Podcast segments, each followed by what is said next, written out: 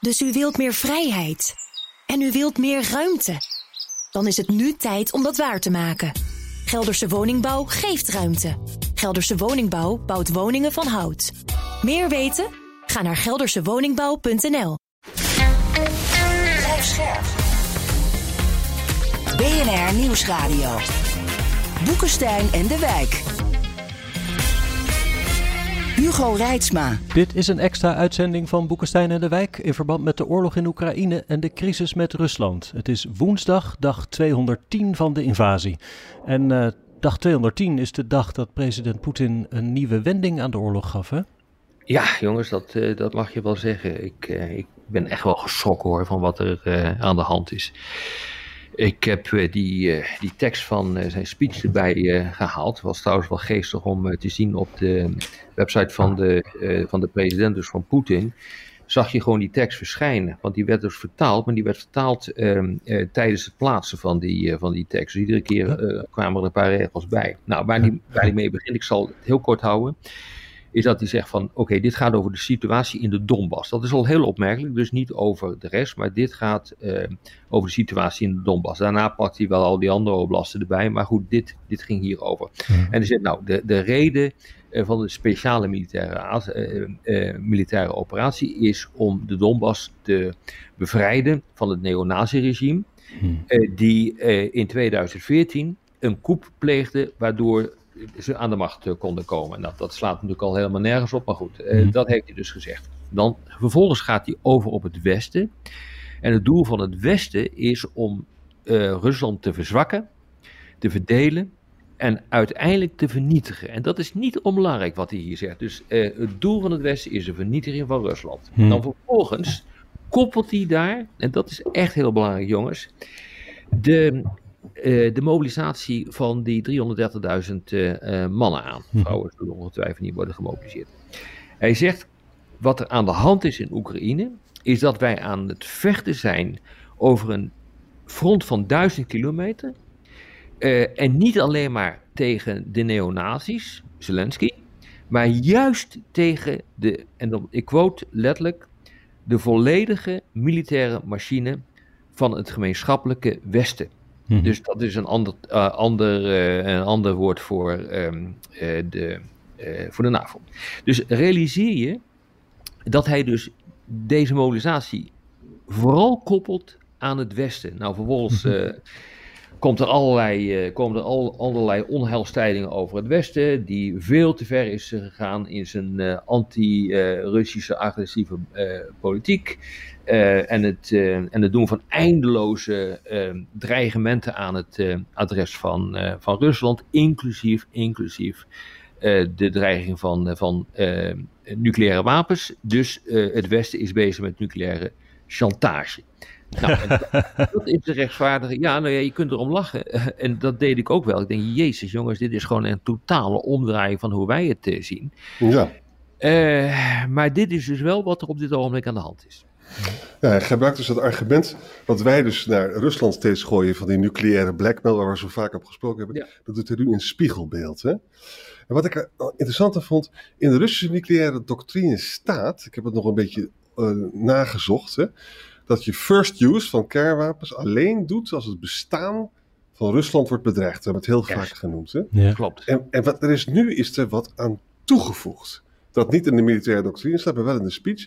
Namelijk territoriale integriteit van het moederland, hm. de onafhankelijkheid en de vrijheid. Nou, dat, daar dus... in de, dat, dat is in ja. 2020 uh, onderdeel geworden van de nucleaire richtlijnen van, uh, van Poetin. Maar realiseer, oh, ja. dat gaat dus nu gebeuren, want dit kan je ja. niet loszien van de uh, referenda die moeten worden gehouden in een aantal van die oblasten. Dat is gisteren aangekondigd. Dat, dat is het hele punt. Uh, de Donbass en Mykolaiv en Gerson. Dus eigenlijk alles wat Rusland geheel of gedeeltelijk nu bezet houdt. Want als die, die fake referendum gehouden zijn, als het dan vervolgens geannexeerd wordt, dan geldt dus de nucleaire paraplu van Rusland ook voor exact. deze gebieden. Exact. En dat doet hij om te, de druk uit te oefenen op de Amerikanen, bijvoorbeeld om die lange afstandwapens niet te leveren. Onder andere, maar het ja. kan, nou, hij, ja, dat is waar. Maar eigenlijk uh, doet hij dit ook om druk uit te oefenen op het Westen, om gewoon Zelensky niet langer te steunen.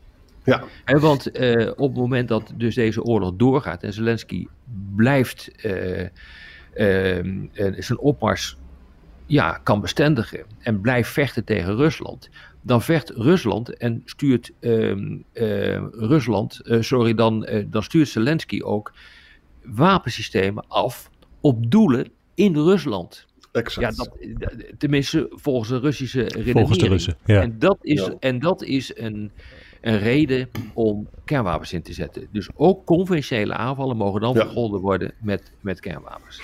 Exact, dat, dat is dus de, de mechaniek. Hè? Ja. Uh, even voordat we gaan praten over die nucleaire dreiging, want dat moeten we natuurlijk goed in kaart brengen. Um, ook in de Zwarte Zee, jongens, slaan de Russen op de vlucht. Alle Russische kilo-onderzeeërs zijn teruggetrokken. En de Oekraïners die vragen al weken aan wapens van de VS om die beroemde brug over de, de straat van Kech, hè, weet je wel, naar de Krim toe, hm. om die dus uh, weg te halen. Dus je ziet, je ziet dus de wanhopige situatie van. Uh, nou ja, maar dat betekent dus kernwapens. Ja. Exact. Dus kan, ja, dus dat is een high-risk uh, strategie die, ja. die, die Zelensky nu aan het doen is. En Biden, daarvan weten we dat hij zeer terughoudend is met het leveren van nog langere afstandswapens. Ja. Omdat daarmee dus deze situatie bewaarheid kan worden die, uh, die onze grote vriend Poetin vanochtend om acht uur naar voren heeft gebracht. Exact. Zullen we dan maar gelijk praten over dat hele moeilijke onderwerp van... Kijk, je kan het nooit uitsluiten hè, dat, hij dat, dat hij dat gaat doen. Poetin zegt ja. letterlijk, dit is geen bluff. Waarvan ja. je dan nooit weet of dat niet ja. een bluff is, dat hij zegt nee, dat het geen bluff is. Maar... maar... Maar, laten we eerst de tegenargumenten gebruiken. Waarom hij het niet zou doen. En dan de argumenten waarom hij het misschien toch wel gaan doen. Oké. Okay. Nou, het eerste tegenargument is dat Xi en Modi, dus China en India, zijn absoluut tegen. En die raakt hij dan mm. kwijt. Dat is geen Russisch belang, hè, jongens. Mhm. Mm -hmm. Tweede is natuurlijk de fallout. Die raakt ook je eigen troepen. Uh, het is ook een beetje raar natuurlijk. Hoeft niet hoor, hoeft niet. Nee, dat moet, hoeft niet. Maar als de wind een beetje verkeerd staat. Nee, dat hoeft niet. Nee, we hebben dat helemaal, uh, dat hebben we 208 dagen geleden al een keer uit uh, zitten leggen. Als je een, een, een, explosie hoog in de lucht.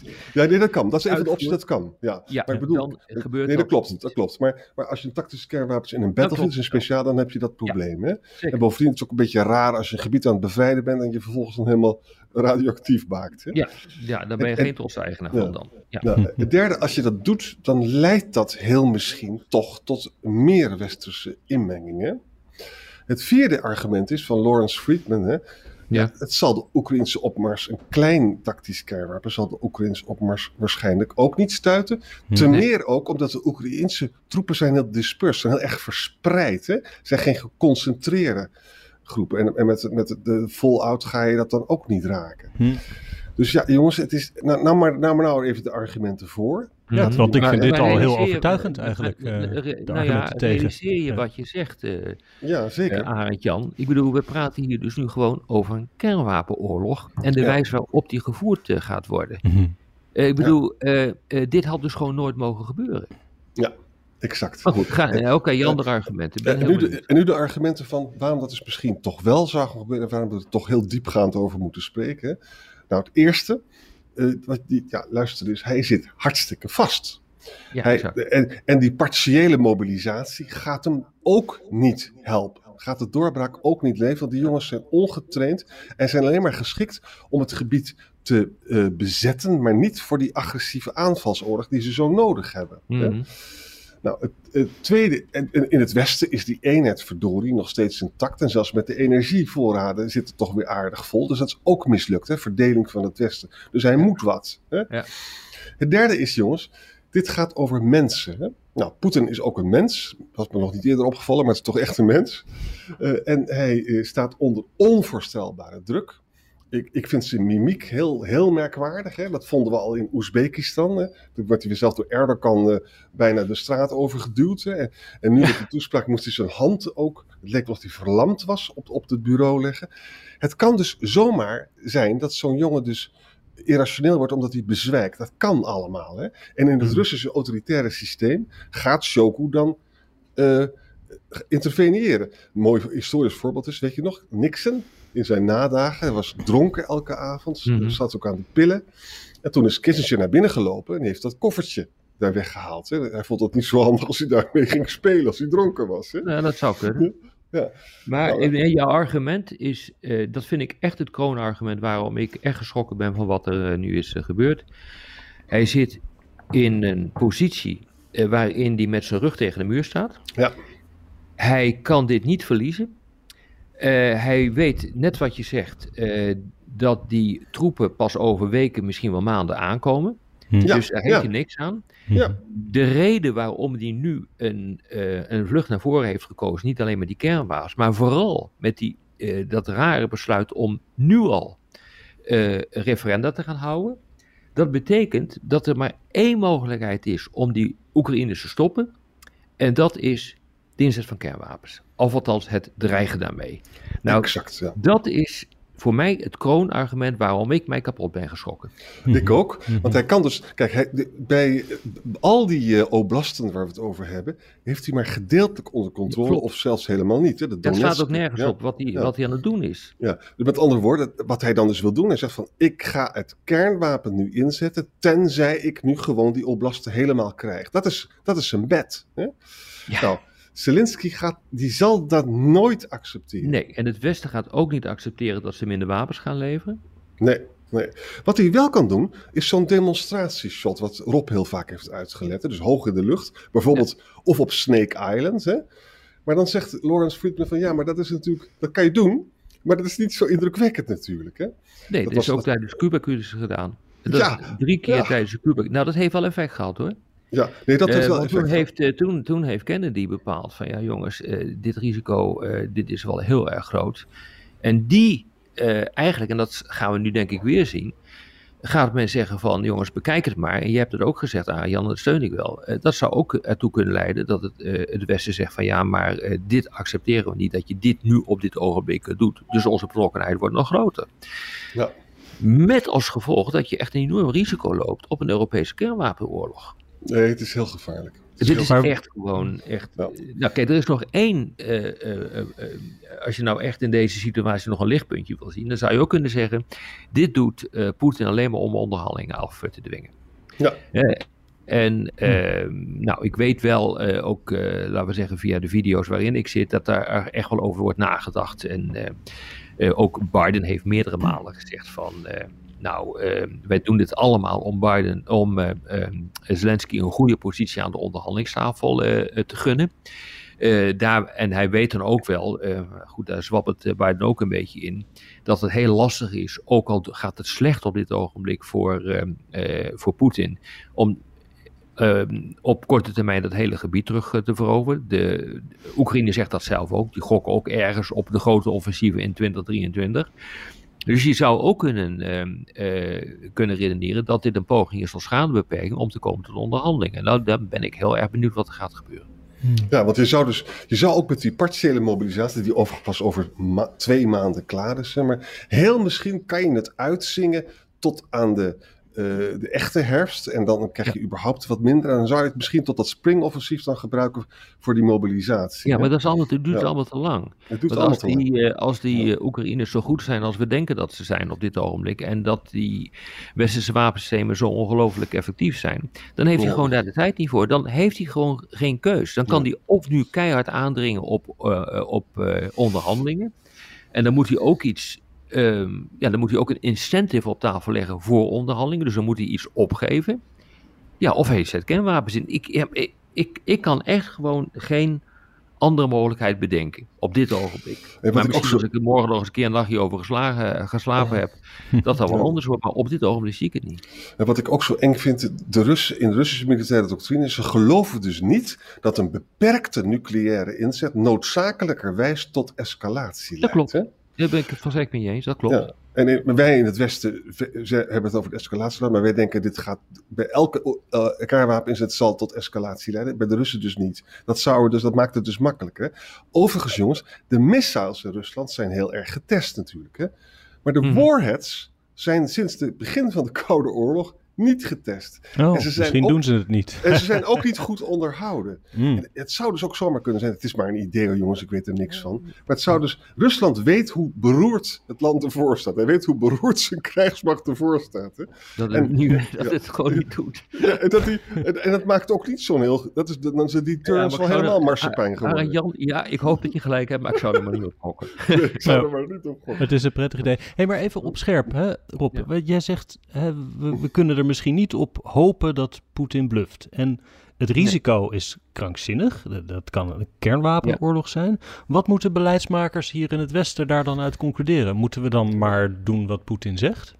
Nee, ik denk dat de westerse beleidsmakers, dat zou ook mijn advies zijn, eh, ga gewoon door met die wapenleveranties en handel naar bevind van zaken. We moeten dat Eh, risico dan maar je niet nemen. laten chanteren, maar Ja. weet wel dat je dus die wapenleveranties eh, doet onder een heel ander gesternte, namelijk onder de dreiging van nucleaire eh, oorlogsvoering. En als dat Ja. inderdaad gebeurt, ja nee, zit je in een nieuwe situatie en dan, eh, ja, dan moet je maar weer opnieuw gaan nadenken wat je nou gaat doen. Hm. Ik, ik denk dat het, dat het dat zo ongeveer is. En, en misschien ook, praat er niet over en geef in het diepste geheim die eh, lange drachtwapens. Ja, en bovendien, eh, nogmaals, eh, ik zou, ben heel benieuwd wat er achter de schermen gebeurt. Maar eh, ik denk dat Biden hier diep en diep ongelukkig mee is. Eh, dat zag je ook in de veiligheids- of in de algemene vergadering van de VN. Eh, dat, dat nou, was, zijn toon was ook niet, eh, niet lekker. Nee. Eh, hij is diep en diep ongerust. Hij wil absoluut geen oorlog in Europa. En dat moet elke Europeaan moet dat ook niet willen. Dus er is dan ook een natuurlijke neiging om eh, achter de schermen te zeggen: jongens, eh, die wapenleveranties kunnen ook niet eindeloos eh, doorgaan. Eh, eh, is er niet een mogelijkheid om ergens toch eh, tot onderhandelingen te komen? Tot een staakt Ja. het vuur. In ieder geval een staakt het vuur. Dat wil nog steeds niet zeggen dat er onderhandelingen komen over het afstand, eh, afstand te doen van gebied. Maar achter de schermen moet daarover worden nagedacht. Dat kan Maar- niet. Valt nou ergens nog over te, an- te onderhandelen als Poetin zulke grote delen van Oekraïne gewoon annexeert? Dan, dan is het toch eigenlijk gewoon geen Ja, gesprek dat is meer mogelijk? laat, ja. Maar als dit dus een poging is om, ja, ja, het is allemaal te krankzinnig voor. Maar als, als dit een poging is ook om ervoor te zorgen dat eh, er onderhandeld kan worden, om te komen tot staakt het vuur. Ja, het is natuurlijk een uitermate risicovolle strategie. Dus dat, maar het zou gewoon kunnen. Ja, maar, maar Zelensky heeft dus geen enkele aandrang om nu te gaan onderhandelen, want hij heeft Nee. successen. En jongens, bedenk ook, dat is wel belangrijk. Wij hebben in het begin van de podcast, we keken dan naar die militaire verhouding en we zeiden, ja, dit is, Oekraïne heeft gewoon onvoldoende wapens en troep om het te doen. En toen zaten wij ook op de, onderhand, op de staakt het vurenlijn, weet je nog? Ja. Mhm. Kissinger deed dat ook. Ja. En Kissinger ging toen om vanwege die ongelooflijke barbaarse operaties van Rusland. Hè. En, Ja. en hij kon het gewoon niet meer uit zijn mond krijgen. En dat zie je trouwens bij Biden nu ook, dat hij ook niet meer openlijk praat eh, over, over eh, dat New York Times eh, aanbod van sterker maken voor onderhandelen. Dus dat vind ik ook, dat is toch ook wel een, een switch in die oorlog geweest. Dat de hele wereld heeft gezien wat voor een Hmm. ongelooflijke bruut deze man is. Dat heeft toch impact. Nou ja, Dus- dit is een trappend hoor, van eh, wat in de politicologie. Dus eh, allebei de leiders, eh, of allebei de partijen, of alle drie de partijen, die hebben zich nu in een positie gemanoeuvreerd, waarin je eigenlijk met goed fatsoen niet meer terug kan. Ja. Exact, dus exact. eh, dus, eh, dus eh, eh, eh, Poetin, eh, die kan niet terug, want anders eh, kost hem dat de kop in, eh, letterlijk of figuurlijk, dat weten we nog niet, in, eh, in Moskou. Zelensky kan niet eh, terug, want die heeft zich gecommitteerd aan het terugveroveren van de gebieden. En het Westen kan niet eh, eh, terugtreden, want dan verliezen ze. Ja, weet je, dit is een onmogelijke situatie. Ja, dus op het slagveld is feitelijk, en dat hou ik vol, sprake van een padstelling. Partijen komen een klein beetje verder, maar niet heel veel. Dus dit is een gamechanger. eh waardoor eh, Poetin in één klap de situatie op het slagveld gaat veranderen. Dus op zich is het wel slim gedaan, moet ik zeggen. Ja, maar wacht even, nog- toch nog even scenario's maken. Ja.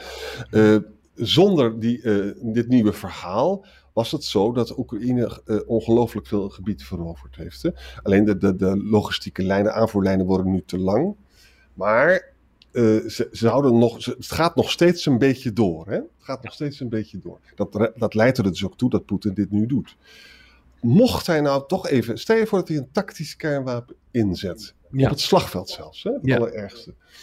Dan heeft dat toch eh, eh, nogal wat gevolgen. Hè? De, wereld kijkt met afgrijzen toe. Zeker. De, de, de impact van de fallout is niet zo groot omdat de troepen zo verspreid zijn. Ik denk dat Zelensky gewoon doorgaat. Het hoeft Dat dus ook de opmars van Oekraïne niet te stuiten, even afgezien van de herfst- en winterproblemen. hè? Ja. Dus ik denk dat- hij dat ook eh, doet. Ja, dat denk ik wel. Want het is, het- Ja. hij zit toch in een hopeloze positie. Veel hopelozer kan er niet worden. Dus dan ga je denk ik eh, door. Ik denk dat dat, dat, dat klopt. En dan mag je hopen, als hij dat doet, dat hij daarmee gewoon echt de steun van eh, bijvoorbeeld China gaat verliezen. En dat Want dit gaat is echt iets, gebeuren.